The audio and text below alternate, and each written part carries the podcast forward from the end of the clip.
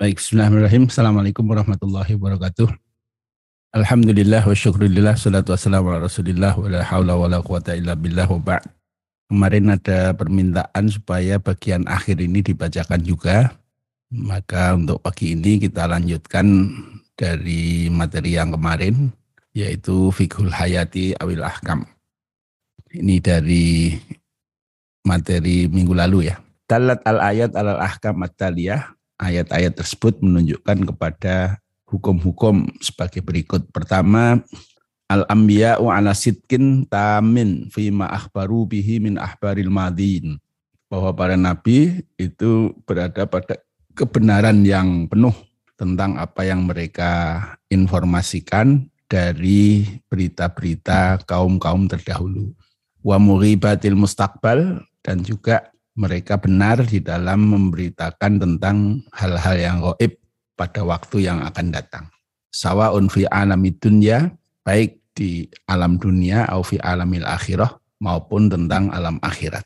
Min wuku'il adabi wal iqabi, misalnya tentang kejadian terjadinya adab dan iqab, wal hasyri wal hisabi dan juga al hasyr pengumpulan umat manusia wal hisabi dan hisab.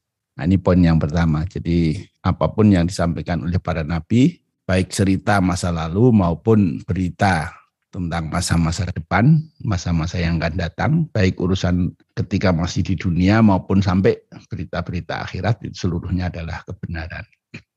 Yang kedua, al-ba'su haqqun walakin iktadat hikmatullahi ta'khira yaumihi li ajlin ma'lumin ma'dudin sabaqa bihi. Jadi hari kebangkitan itu adalah sesuatu yang pasti, yang benar. Tetapi telah berlaku hikmah Allah untuk menunda kejadiannya pada hari yang telah ditentukan yang sudah ditetapkan oleh kodok Allah SWT. Jadi tentang kapannya ini adalah sesuatu yang rahasia, tidak diberitahukan oleh Allah kepada siapa pun. Nah termasuk Nabi juga tidak tahu tentang hal ini, tetapi sesuatu yang pasti. Hanya saja dibanding dengan umur dunia ini, maka Nabi sering memberi gambaran bahwa antara diutusnya Nabi dengan hari kiamat itu sesuatu yang sudah sangat dekat.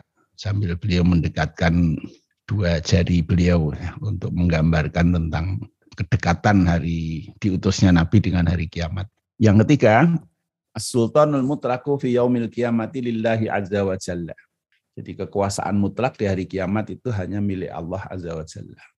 Fala yatakallamu fihi ahadun bihujjatin wala syafa'atin illa biidnihi ta'ala. Tak seorang pun yang bisa berbicara baik dengan hujah ataupun syafaat kecuali dengan izin Allah. Yang keempat, annasu yaumal kiamati sinfani. Manusia pada hari kiamat itu ada dua golongan. Yang pertama adalah syakiyun, orang yang celaka, yang sengsara, wasaitun dan orang yang berbahagia. Al askia ufin nari wasu'ada ufil jannati. Orang-orang yang sengsara akan berada di neraka dan orang-orang yang berbahagia akan berada di surga. Wakilahuma khalidun mukhallatun fi ma hum fihi. Dan kedua golongan ini akan kekal dan dikekalkan di dalam apa yang mereka berada minal azab awis sawab yang di neraka dari azab yang di surga dari pahala bimasyiatihi bimasyiatillahi wa iradatihi dengan kehendak Allah SWT. Yang kelima, ittafaqal jumhur al-a'zam minal ummati ala anna azab al-kafir daimun. Li'anna al-khulud al-madhkura fil ayatil murtabiti bitawami samawati wal ard yuksatu bihi ad-dawam mayoritas ulama dari umat ini bersepakat bahwa adab bagi orang-orang kafir itu kekal karena kata-kata kekal di dalam ayat itu dikaitkan dengan ungkapan bidawa bidawa misamawati wal ad sekekal langit dan bumi. Nah, yuksadu bihi adawam dan ungkapan ini menunjukkan tentang sifat kekekalannya. Yang keenam, wafil akhirati sama on wa ardun. Di akhirat nanti juga ada langit, ada bumi. Jadi sama itu sesuatu yang di atas, art itu sesuatu yang di bawah. Jadi yang di atas itu yang menjadi naungan kita kayak langit itu ya. Art itu sesuatu yang di bawah kita yang kita injak seperti tanah ini. Nah, dengan dasar firman Allah surat Ibrahim ayat 48, yaumatubat talul ardu ghairal ardi wassamawatu. Yaitu pada hari ketika bumi itu diganti bukan dengan bumi yang ini dan juga demikian langit. Artinya diganti. Jadi nanti di sana ada langitnya, ada buminya. Cuman beda dengan bumi dan langit yang ada di dunia. Wa qauluhu arasnal arda natabawwa minal jannati haitsu nasya. Surat Az-Zumar 74 dan kami wariskan bumi yang kami wa aurasana dan Allah mewariskan kepada kami bumi natabawwa minal jannati yang kami tinggal dari surga itu haitsu nasya'u sesuka kami. Ini ungkapan para ahli surga di akhirat nanti. Wa aidan labudda li ahli akhirati mimma yaqiluhum wa yadhilluhum Wadhalika huwa al-ardu samawat. Ya. Jadi ada tempat berpijak, ada tempat ada yang menaungi yaitu langit dan bumi. Kemudian di ayat yang kita bahas ini ada ungkapan illa masya rabbuka. Jadi ketika menyebutkan kekekalan orang di neraka diungkapkan illa masya rabbuka.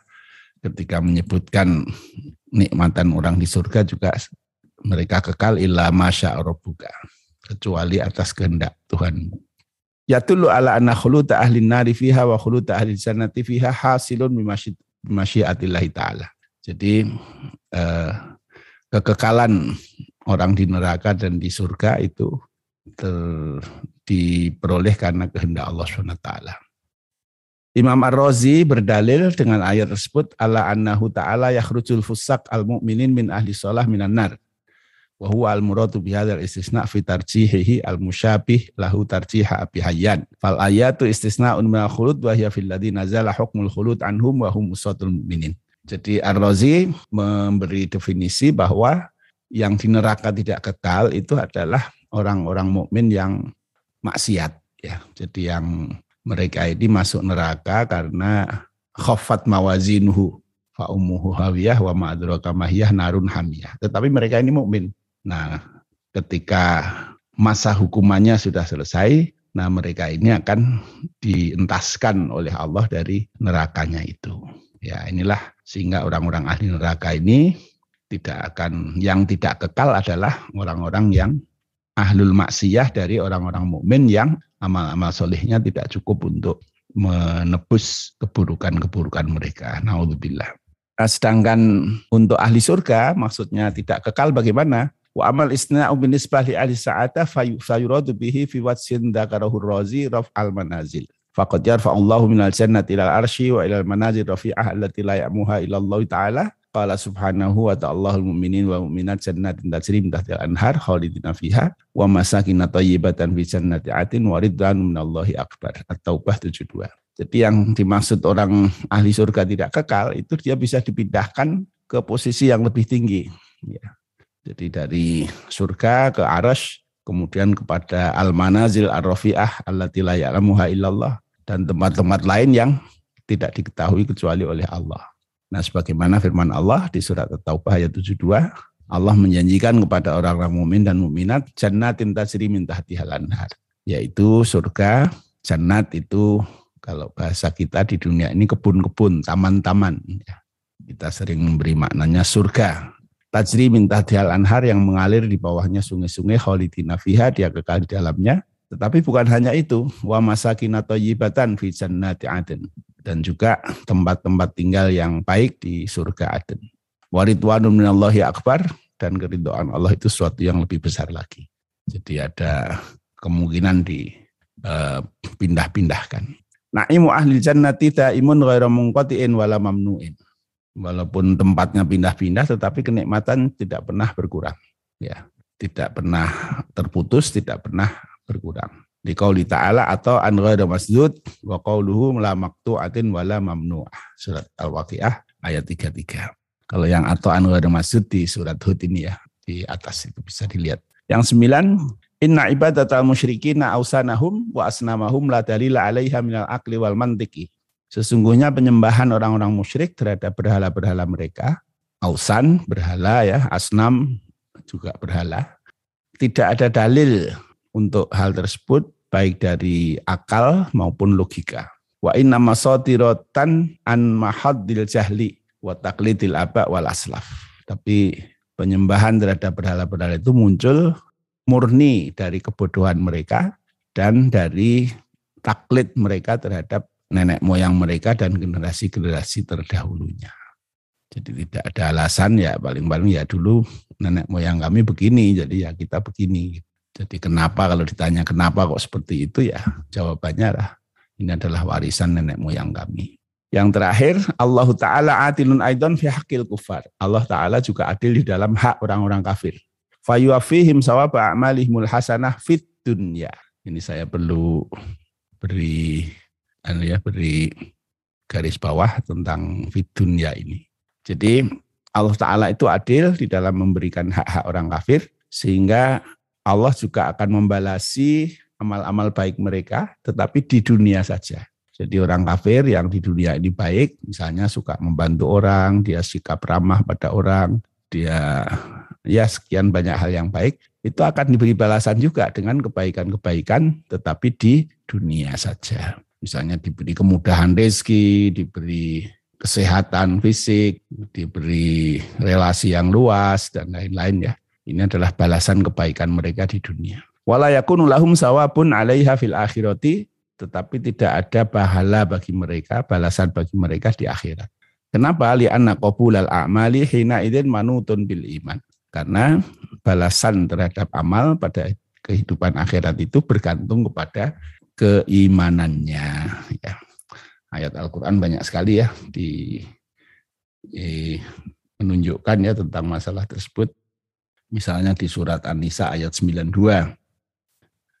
Ini wa may ya'mal minas solihati min dzakarin aw unsa wa huwa mu'minun fa ulaika yadkhulul jannah wa la yudlamuna nakira.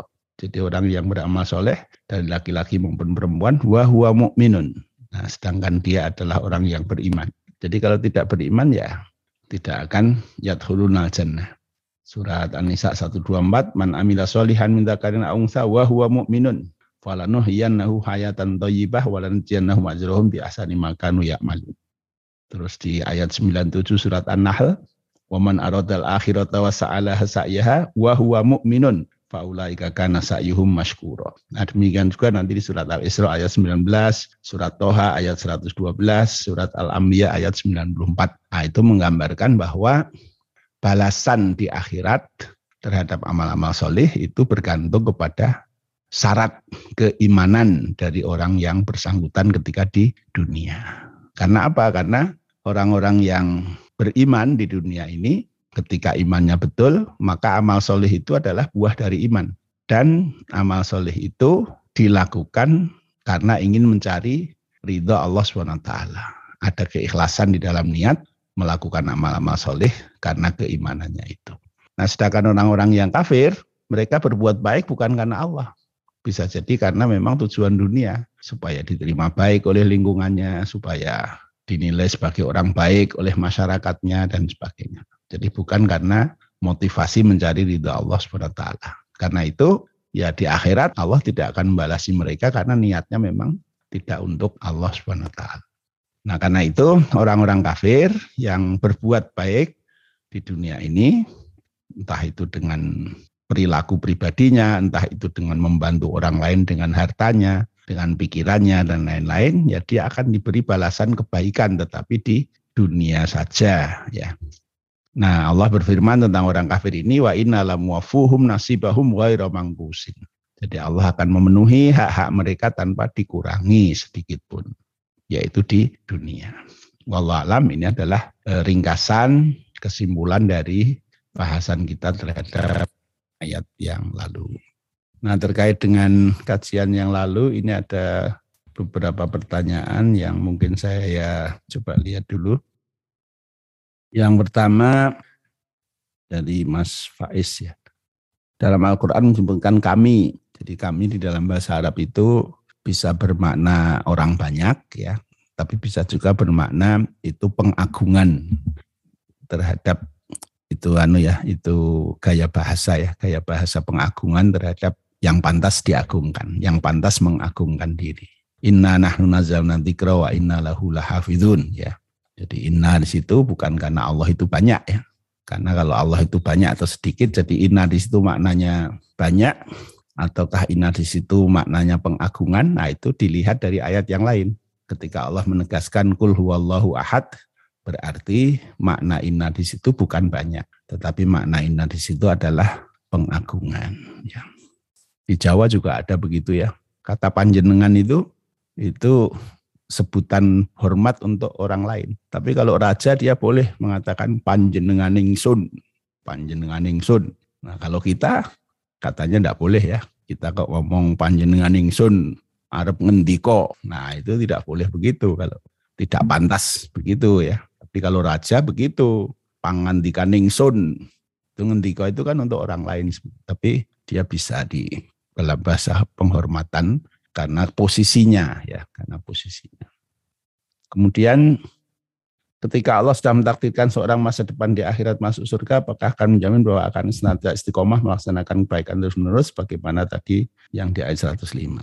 Jadi Allah bukan mentakdirkan orang masuk surga ya, tetapi Allah sudah tahu apakah seseorang itu masuk surga atau neraka. Nah, ketika orang itu nanti menjadi ahli surga ya, ini di dunia ini ya Allah mengatakan kullun muyassarun lima khuliqalahu. Rasulullah mengatakan kullun muyassarun lima khuliqalahu.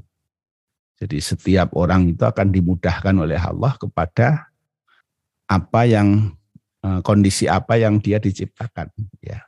Jadi kalau perilaku dia nanti ya pengambilan pengambilan pengambilan keputusan dia di kehidupan dunia ini ya sangat diwarnai oleh kecenderungan begitu dan kemudian uh, Rasulullah membacakan fa amman atau wattaqa wa bil husna fasanu yasiruhu lil yusra wa amma man bakhila wa kadzdzaba bil husna fasanu yasiruhu lil usra. Jadi itu tergantung pada dianya. Jadi yang atau wattaqa wa saddaqa bil husna ini pilihan orang. Demikian juga bakhila wastaghna wa kadzdzaba husna ini pilihan orang. Ahli neraka nanti akan cenderung kepada yang kedua. Ahli surga akan cenderung kepada yang pertama. Begitu. Nah, mudah-mudahan kita akan diberi kemudahan oleh Allah untuk hal-hal yang baik bagi kita insya Allah. Kemudian dari Ibu Nuryakti, kalau orang kafir kok yakin sekali masuk surga? Ini maksudnya apa ya? Tapi sering kali saya dapat pertanyaan apakah orang kafir tidak masuk surga? Mungkin ada uh, wallah alam maksud pertanyaannya apa, tapi yang jelas begini, kalau orang kafir itu pasti masuk neraka. Jadi tidak mungkin mereka masuk surga berdasarkan kepada sekian banyak uh, ayat-ayat yang menegaskan hal tersebut. Ya. Jadi adakah orang kafir yang akan masuk surga? Ya kalau berdasarkan dohirnya ayat di dalam Al-Quran tidak ada. Jadi semua orang kafir ya masuk neraka. Kalau Allah mengendaki bisa nggak? Ya bisa saja, tapi itu tidak tidak ada ceritanya di dalam Al-Quran yang begitu. Wallahualam. Baik, saya lanjutkan di topik untuk hari ini. Jadi Syekh Azuhaili itu eh, setelah kisah-kisah di surat Hud ini, kemudian beliau menulis satu topik khusus tentang ahdaful kisati fil Quran. Jadi tujuan dari kisah-kisah di dalam Al-Quran. Nah ini saya kutip secara utuh dari tafsir Al-Munir Syekh Zuhaili. Qad yatakarraru iradul qissatil wahidati fil Qur'ani bi asaliba mukhtalifatin limunasabatin muta'addidatin wa ta'sirin nafsiyin mutafawutin wa ihain mutanawwi'il hadaf. Jadi qad yatakarraru qad yatakarraru iradul qissah al wahidah fil Qur'an kadang-kadang ya qad itu kalau diikuti oleh fi'il mudhari itu maknanya kadang-kadang. Kalau diikuti oleh fi'il madi itu pasti, sungguh ya. Jadi ya takar roro, ya takar roru itu dari fi'il madi takar roro, ya takar roru. Ya takar roru kadang-kadang berulang-ulang. Iradul kissatil wahidati penyajian kisah yang sama fil Qur'ani di dalam Quran bi asaliba muhtalifatin dengan teknis yang berbeda-beda. Li munasabatin karena munasabah yang bermacam-macam. Jadi kesesuaian kisah itu yang bermacam-macam. Wa taksirin nafsiyin mutafawutin. Demikian juga dampak kejiwaan yang berbeda-beda. Wa ihain mutanawi hadaf dan memberikan iha itu mewahyukan. Jadi menginspirasikan tujuan yang berbeda-beda. Wa yudhiru lana min bayani qasasil umam sabiqah fi hadhihi surah wa ghairiha min aswaril makkiyah ghaliban annaha tuhtafu ila tahqiqi agradin muayyanatin ahammuha ma ya'ti. Dan menjadi jelas bagi kita tentang kisah-kisah umat terdahulu di dalam surat ini dan juga surat-surat yang lain yang umumnya dari surat Makiyah. Annaha tuhdafu ila tahqiqi agradin muayyanatin bahwa pengungkapan kisah-kisah itu ditujukan untuk tujuan-tujuan tertentu. Nah, yang penting-penting adalah sebagai berikut. Jadi di sini kisah-kisah umat terdahulu ini mayoritasnya ada di surat Makiyah ya. Karena itu para ulama ulumul Quran itu menyatakan bahwa salah satu ciri dari surat Makiyah adalah di dalamnya terdapat kisah-kisah umat terdahulu, nabi dan umat-umat terdahulu. Nah, tujuan-tujuan dari kisah itu apa? Pertama, al-ikhbaru antawari hibatil umamil madiyah. Menginformasikan tentang sejarah sebagian dari umat-umat terdahulu. Wa ilqa'il adwa ala hawatisin ghaibiyatin muhimmatin jiddan dan juga memberikan gambaran tentang kejadian-kejadian yang tidak diketahui yang penting sekali ya lam yakun yadri pihak Nabi SAW wala ahadun min qaumihi. Yang Nabi serta seorang pun dari kaumnya tidak tahu itu ya. Jadi kalau sesuatu yang belum diketahui itu gaib jadi misalnya kisah tentang Nabi Nuh kisah tentang Nabi Hud Nabi Soleh Nabi yang lain-lain kalau Nabi Rasulullah SAW itu tidak diberitahu oleh Allah lewat wahyu-wahyu ini ya beliau tidak tahu. Kalau Allah Ta'ala, Zalika min amba'il ghaib nuhihi ilaika. Hal tersebut, kisah-kisah para umat terdahulu, ini adalah min amba'il ghaib, sebagian dari kisah-kisah yang belum diketahui. Nuhihi ilaika, yang kami wahyukan kepadamu. Wa ma kunta ladaihim asma'u amrahum wahum yamkurun. Dan ketika mereka menyatukan urusan mereka dan membuat makar terhadap mereka, eh, mereka membuat makar terhadapmu, maka kamu tidak mampu menghadapinya. Fayakunu dzalika dalilun ala sidqi. Jadi kisah-kisah terdahulu di dalam Quran ini merupakan bukti tentang kebenaran kenabiannya. Wa anna hadzal Quran min indillah dan bahwa Quran ini adalah dari Allah walaisa iftira'an minhu dan bukanlah sesuatu yang dibuat-buat dari Rasulullah. Kama za'amal musyrikuna sebagaimana orang-orang musyrik mengira hal tersebut ya. Kama ilqalu kama hakal Quran Karim sebagaimana ketika mereka mengatakan wa qala alladziina kafaru in hadza illa ifkun iftarahu. Orang-orang kafir mengatakan bahwa Quran ini hanyalah tipuan-tipuan yang dia buat. Wa anahu alaihi qaumun akharin. Akharun dan dia ditolong oleh orang lain. Fakotja udul manwazura, maka mereka dengan cara itu, keputusan itu ya, tuduhan itu melakukan kedoliman dan kebohongan. Waqalu asatirul awalin iktatabaha. Atau mereka mengatakan ini adalah cerita orang-orang terdahulu yang dia tulis. Fahiyatumla alaihi bukuratan wa asila. Kemudian kisah-kisah itu dibacakan setiap pagi dan sore. Kul katakanlah Muhammad anzalahul ladzi ya'lamu sirra fis samawati wal ard bahwa telah menurunkan Al-Qur'an itu Allah yang mengetahui yang tersembunyi di langit maupun di bumi innahu kana ghafurur rahima sesungguhnya dia maha pengampun maha penyayang. Al-Furqan ayat 4 sampai 6 ya. Jadi ini kisah-kisah dari kaum-kaum terdahulu ini membuktikan kenabian beliau. Nah, sebenarnya kisah-kisah ini juga dicantumkan oleh Allah di dalam kitab-kitab terdahulu ya, di kitab Taurat, di kitab Injil. Nah, karena itu saya perhatikan di dalam YouTube para mu'alaf yang mereka dulu menekuni Injil, itu salah satu yang mereka menjadi lebih mudah menerima Quran karena cerita-cerita yang ada di Quran ternyata sama dengan apa yang ada di dalam Injil itu. Nah hanya saja nanti ada beberapa yang kemudian ditambah dengan kisah-kisah baru ya. Misalnya kisah tentang Nabi Isa ya dan lain-lain. Ya ini ini menunjukkan tentang kebenaran. Jadi orang-orang Nasrani Yahudi itu melihat bahwa Quran ini ternyata sama gitu, isinya sama dalam hal kisah-kisah itu. Jadi tidak berbeda. Nah, ini menunjukkan kebenaran Nabi itu. Nah, coba dibayangkan ya kalau misalnya di dalam Quran ini muncul cerita-cerita tentang nabi-nabi yang beda dengan yang ada di dalam Taurat maupun Injil. Nah, tentu mereka akan eh, mempersoalkan itu gitu ya. Tetapi ya secara umum kisah nabi-nabi itu seluruhnya sama ya. Baik di dalam misinya maupun di dalam pokok-pokok kisahnya. Yang kedua, ikhbarun nasi jami'an an juhudil anbiya wa rusul fi sabili nasri da'watihim. Jadi kisah-kisah para nabi terdahulu itu menginformasikan kepada kita tentang perjuangan para nabi dan rasul di dalam menyebarkan dakwah mereka.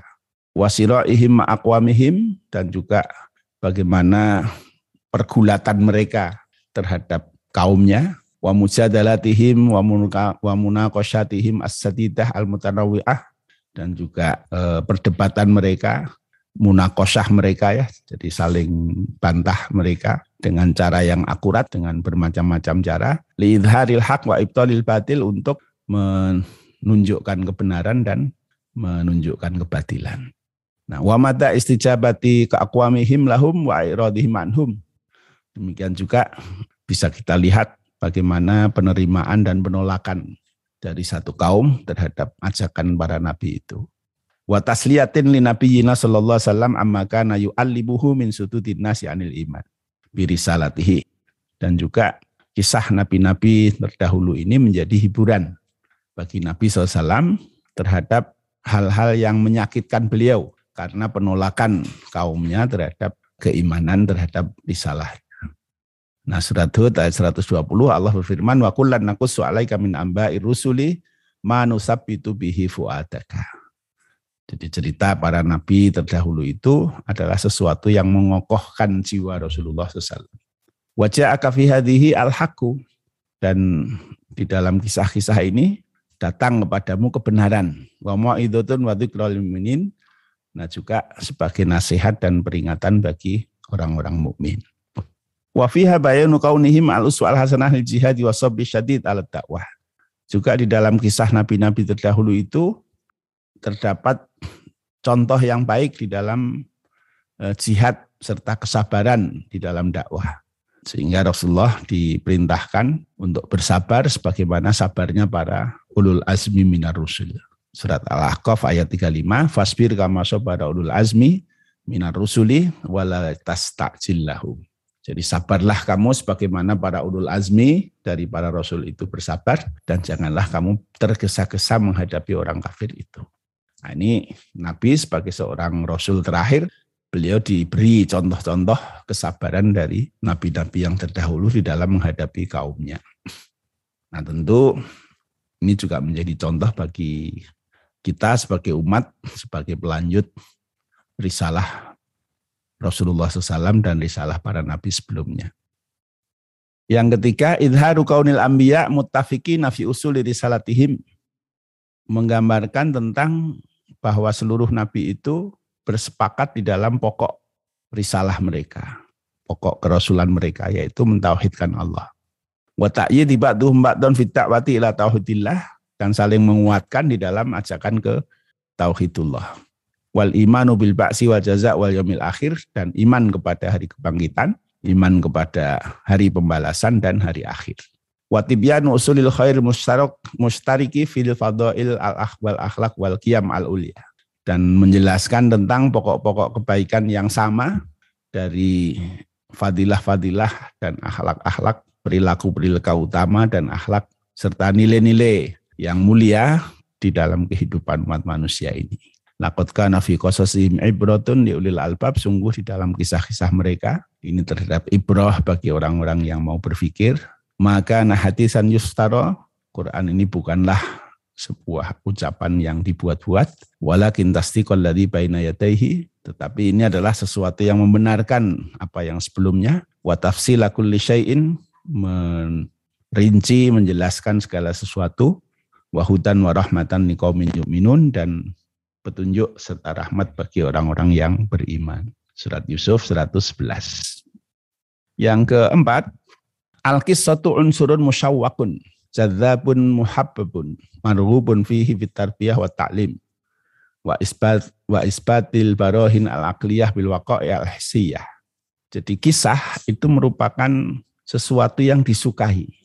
Jadi yang punya pengaruh, yang dicintai, yang disenangi orang di dalam tarbiyah dan taklim. Wa isbatil barohin al aqliyah bil hissiyah.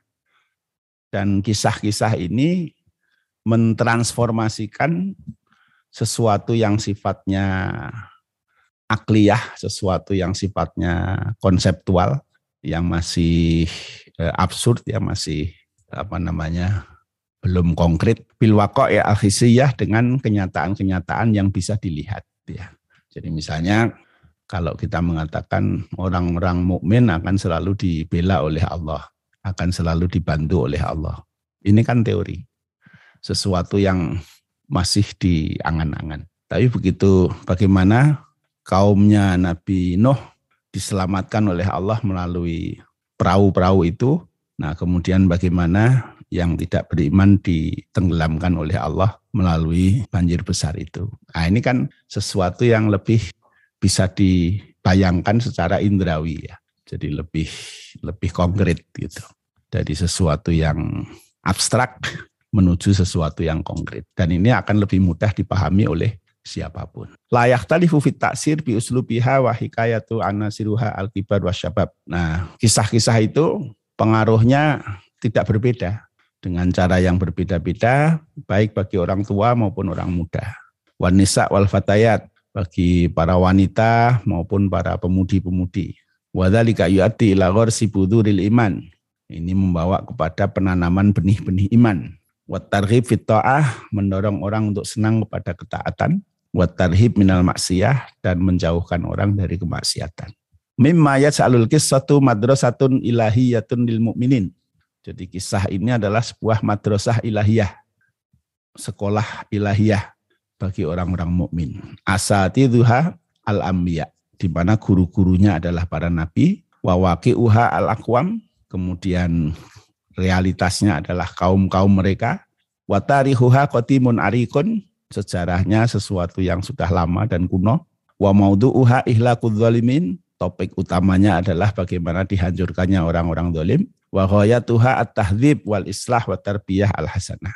Dan tujuannya adalah tahdzib, mendidik wal islah dan melakukan perbaikan wa tarbiyah al-hasanah dan melakukan tarbiyah yang baik. Nah, ini kisah itu begitu ya. Jadi kita bisa memperhatikan para dai-dai kita ya, umumnya mereka itu menarik ketika di dalam ceramahnya itu menyampaikan kisah-kisah. Apakah kisah seseorang ataukah kisah siapa gitu ya. Yang itu menyeret membawa orang dari sesuatu yang abstrak kepada sesuatu yang yang konkret. Ya. Nah saya kira banyak sekali dai-dai kita yang memiliki keahlian yang diberikan oleh Allah, keahlian-keahlian yang luar biasa baik di bidang-bidang yang seperti itu dan saya kira kita perlu banyak mengambil pelajaran dari mereka-mereka yang diberi kelebihan oleh Allah itu. Tuhtaful kisah Al-Qur'aniyah fil martabatil ula ila isbati tauhidillah wa takriri wujudih. Jadi tujuan pokok dari kisah ini yang pertama adalah untuk menegaskan tentang tauhidullah. Jadi mentauhidkan Allah dan watakri diwujudi dan menetapkan tentang keberadaan Allah. Wa isbatun nubuwati wal ba'si dan menetapkan adanya kenabian dan hari kebangkitan. Jadi di kisah-kisah makiyah itu ya poin-poin pokoknya tiga itu. Iman kepada Allah, tauhid ya. Iman kepada Rasul, iman kepada hari akhir. Ya itu wa yatakhallalaha yatakhallaluha ahkamun tasyri'iyatun hatifatun mufidatun lil fardi wal jamaah. Nah, kemudian di sela-sela itu ada hukum-hukum syariah yang memberikan manfaat baik kepada individu maupun kepada kelompok jamaah. Walil ummah wa daulah dan juga memberi manfaat kepada umat dan negara. Walikulli syu'ub wal hukam dan juga hukum-hukum Allah itu memberi manfaat kepada masyarakat dan penguasa. Yang keenam, tabayyana kisah anna muhimmatan nabi mujarradu tablighil wahyi. Dari kisah itu jelas bahwa tugas nabi itu adalah menyampaikan wahyu. Wa i'lamun nas bil indarat al ilahiyah bi wuqu'il adzab qariban am ba'id dan memberitahukan manusia dengan berbagai peringatan Allah tentang terjadinya azab baik dekat maupun jauh. Tuna ayakun alatai sultanun ma fit takhir wa taghir wa naf'i wa dhar. Jadi para nabi ini tidak punya kekuasaan untuk menunda atau mengubah atau memberi manfaat atau memberi madarat kepada kaumnya. Tadharu al-kisah aidan mata at-tamasil fi tiba'il bashar wa mata istitatihim lil iman wal kufri wal khair wasyar. Kisah-kisah ini juga menunjukkan tentang karakter manusia dan sejauh mana orang itu berkecenderungan untuk menjadi mukmin maupun kafir, berkecenderungan untuk baik maupun buruk. Nah, ini kita bisa lihat ya bagaimana karakter manusia dari zaman dulu ya tidak berubah-berubah ya begitu, tidak sekian banyak kaum, sekian banyak umat sampai sekarang ya. Itu ya sejarah manusia tetap saja manusia seperti itulah. Yang kedelapan, fil qissati idharu sultanillahi wa qudratihi wa quwwatihi al-qahira fi ta'jilil adab alladhi huwa anmudajun an adabil akhirah. Kisah-kisah itu juga menunjukkan kekuasaan dan kekuatan Allah yang mampu untuk mempersegerakan adab. Yang adab itu merupakan sebuah contoh tentang adab akhirat. Jadi kalaulah terjadi banjir di Nabi Nuh, terjadi badai, di, terjadi hutan hujan meteor di kalum Lot dan lain-lain ya, Nah itu itu bukan sekedar persoalan alami ya, bukan sekedar fenomena alam. Itu adalah betul-betul sesuatu yang menunjukkan kekuasaan Allah. Kalau fenomena alam kan Nabi Nuh tidak usah buat perahu dulu ya. Tapi dari awal karena memang Allah sudah merencanakan nanti akan diadab kaum itu dengan banjir, maka Allah perintahkan Nabi Nuh untuk membuat perahu. Nah, untuk nanti menyelamatkan orang-orang yang beriman ya. Jadi banjir itu bukan persoalan hanya persoalan perubahan iklim, bukan persoalan musim, bukan persoalan lingkungan saja ya, tetapi ya memang sebagiannya adalah bagian dari adab Allah yang memang ditunjukkan kepada kaum itu. Demikian juga badai, gempa, dan berbagai jenis adab yang menghancurkan kaum-kaum terdahulu yang sebagiannya dikisahkan kepada kita. Banyak kisah kaum yang lain yang mengalami itu tidak disampaikan oleh Allah pada kita. Tatadamanul kisah at-ta'yid al-ilahi wa idharu ayatillah wa hujjajihi ala nas. Kisah ini juga mengandung penguatan Allah terhadap para nabi dengan menunjukkan tanda-tanda kekuasaan Allah, mukjizatnya, dan eh, hujah-hujahnya bagi manusia mimma yahmilu alal iqna bi sihhati dakwah ilahiyah wal iman bi ashabiha ar-rusul. Nah, yang bukti-bukti itu akan membuat orang lebih menerima kona'ah terhadap kebenaran dakwah dan eh, iman terhadap para rasul. Karena likul likisatin mawa'idho wa ibaro khosat mawa'idun wa ibarun khosatun tahtalifu bi ikhtilafi ashabiha. Setiap kisah itu ada nasihat dan ibroh yang khusus yang tertentu yang berbeda-beda tergantung pada pemilik kisah itu. Fakis satu kaum minuhin masalan tumasilul ghurur al mustahkam wal isra al wasaniyah. Jadi kisah kaum Nuh ini adalah contoh tentang orang yang tertipu dengan keberhalaan. Wakis satu kaum ad tadharu mata al-i'tidad bil wal quwwah wa tajabbur wal utuw Nah, sedangkan kaum Ad ini menunjukkan tentang orang yang terlalu percaya diri dengan kekuatannya. Kisatu kaum Lut tatullu ala inhitatil mustawar insani wasyudud al jinsi wal fahsyul akhlaki.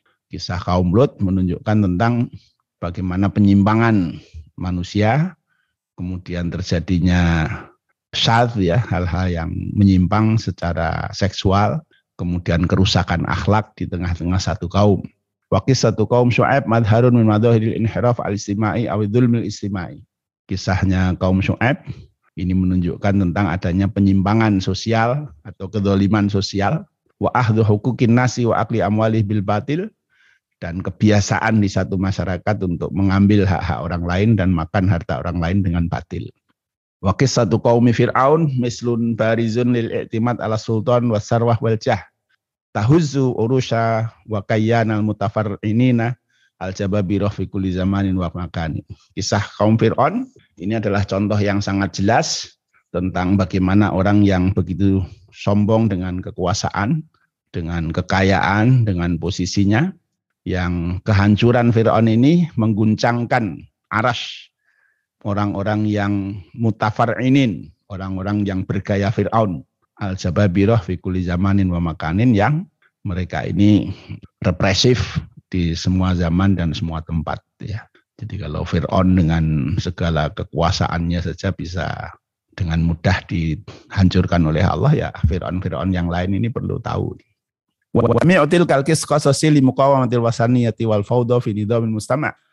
Jadi semua kisah itu berhadapan dengan keberhalaan. Keberhalaan maksudnya kemusyrikan, jadi menjadikan sesuatu selain Allah sebagai ilah dan juga kekosongan di dalam sistem hukum masyarakat. Fa innaku laulai kalumam kanu wasaniyin ubtata asnamin wa kanat suhudul anbiya al mukassafah murakkazatun ala takhlisin nas min ibadatil ausan wal asna. Nah, umat-umat terdahulu itu seluruhnya adalah para penyembah berhala, penyembah Tuhan-Tuhan lain selain Allah dan usaha para nabi ini fokus pada bagaimana membersihkan umat manusia dari penyembahan berhala-berhala ini. Masih berapa ini? Nah, tinggal sedikit selesaikan ya. Al-qissatu fil jumlati idhatun wa ibratun wa ila sunin nufus wa itibar mahalla bil usati wal kufar mumtaritin mimma yadhalul aql wa yashibu wa yushayyabu ras wa yuqatta'u niyatal qalb wa yas'al al-insan fi dahsyatin wa khaufin wa ra'bin. Jadi kisah ini secara garis besar menjadi sebuah nasihat menjadi solusi bagi jiwa kita bagaimana keadaan orang-orang yang maksiat pada Allah dan orang-orang yang kafir dan menentang Allah. Jadi kita tahu semuanya akibatnya seperti apa yang itu akan membuat takut akal kita, membuat beruban kepala kita, kemudian akan memutus hati kita dan kemudian menjadikan manusia itu memiliki rasa takut kepada Allah SWT. Inna ihbara nabiyyin ummiyin ghaira katibin wala qari'in wala rawin wala hafidin wa huwa nabiyyun alaihi salam antil kal qasas dalilun qati'un ala nubuwatihi wa sumu risalatihi bahwa pemberian informasi berbagai kisah itu oleh nabi kita yang umi, yang tidak bisa menulis, tidak bisa membaca, tidak punya riwayat cerita dari siapa pun. Nah, ini menunjukkan tentang kenabian beliau, dalil yang pasti tentang kenabian beliau serta ketinggian risalahnya. Wahir sihi ala nasri ulum al ma'arif wa khafkir alwiyatil huda wa rasyad wa dalilun qabla kulli syai'in ala anna hadzal Qur'an kalamullah wa tusturuh li nabil libanil bashar ila yaumil qiyamah. Jadi juga Nabi menyampaikan kisah-kisah ini menunjukkan beliau berusaha untuk menyebarkan ilmu dan pengetahuan, hidayah dan petunjuk dan menunjukkan juga bahwa Quran ini adalah undang-undang bagi umat manusia sampai hari kiamat. Ya. Atau manat al-qasas salabata kullan nabiyyin ala mabta'ihi wa da'watihi wa in tu'rad lil isaati wa tasfihi ra'yi wa tasmim ahyana ala qatslihi au ibatihi wal amsilati wal amsilatu kasiratun. Jadi kisah-kisah ini juga menunjukkan keteguhan para nabi terhadap prinsip-prinsip dakwahnya. Walaupun mereka ini berhadapan dengan eh, hal-hal uh, yang buruk, dianggap bodoh dan sebagainya ya. Nah, ini contoh-contohnya tidak usah saya bacakan karena ini ada di kisah di surat Hud semua ini. Yang terakhir, tikrarul kisah al-wahidah fi surah al-Quran aksar min marrotan min marrotin innama huwa li tahqiqi maqasidil ahdafi wa ma'an kasirah. Berulangnya kisah-kisah yang sama di dalam berbagai surat di dalam Al-Quran, lebih dari sekali, itu untuk merealisasikan tujuan yang berbeda-beda. Litaku nama silatan amamal ayun fi kulli jailin, supaya menjadi contoh bagi setiap generasi. Walakin tikraruha lam yakun mumillan wa inna makana bi asali mutarawiatin tastadibul amdor. Tetapi walaupun diulang-ulang tapi ini tidak membosankan karena dengan gaya yang berbeda-beda. Watana bahal ukul watatarud sama wal milal min nafsil qari wasami dan membangkitkan keinginan tahuan kita, akal kita serta menghilangkan kebosanan yang ada pada jiwa orang yang membaca maupun yang mendengarnya. Nah demikianlah Bapak Ibu tentang eh, bagaimana kisah-kisah di dalam Al-Quran itu. Mudah-mudahan dengan tulisan khusus yang disampaikan oleh Syekh Munir Azuhaili ini, eh, Syekh Wahbah ya, Azuhaili ini kita bisa lebih memahami bagaimana benang merah dari seluruh kisah yang ada di dalam Al-Quran. Bila taufiq Assalamualaikum warahmatullahi wabarakatuh. Waalaikumsalam warahmatullahi wabarakatuh.